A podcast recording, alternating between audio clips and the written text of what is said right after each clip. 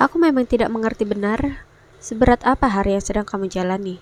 Aku pun tidak mengerti benar kecewa apa yang sedang kamu coba maklumi. Tapi semoga seburuk dan seberat apa pun jalannya, percaya bahwa Tuhan itu maha baik, selalu ada di dalam hati yang kamu punya. Setidaknya percaya bahwa setiap masalah yang ada pasti punya tujuan yang baik. Entah itu untuk mendewasakan kamu atau untuk mengajarimu sesuatu. Itu dulu dijalani, nanti hal-hal baik lainnya pasti akan mengikuti. Sudah sejauh ini, menurutku sekarang waktunya kamu istirahat. Kamu sudah begitu hebat.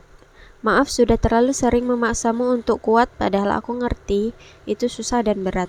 Sekarang berhenti dulu deh dari semuanya, nggak perlu ngejar apa-apa, istirahat. Nggak apa-apa semua akan tetap baik-baik kok. Kalau ada yang ketinggalan nanti dikejar lagi, kalau ada yang gagal nanti dicoba lagi. Dan kalau ada yang tetap harus diselesaikan, nanti dikerjakan pelan-pelan sebisanya. Yang penting jaga kesehatan, jaga diri, dan tetap merasa senang. Karena siapa yang peduli senangmu kalau bukan dirimu sendiri?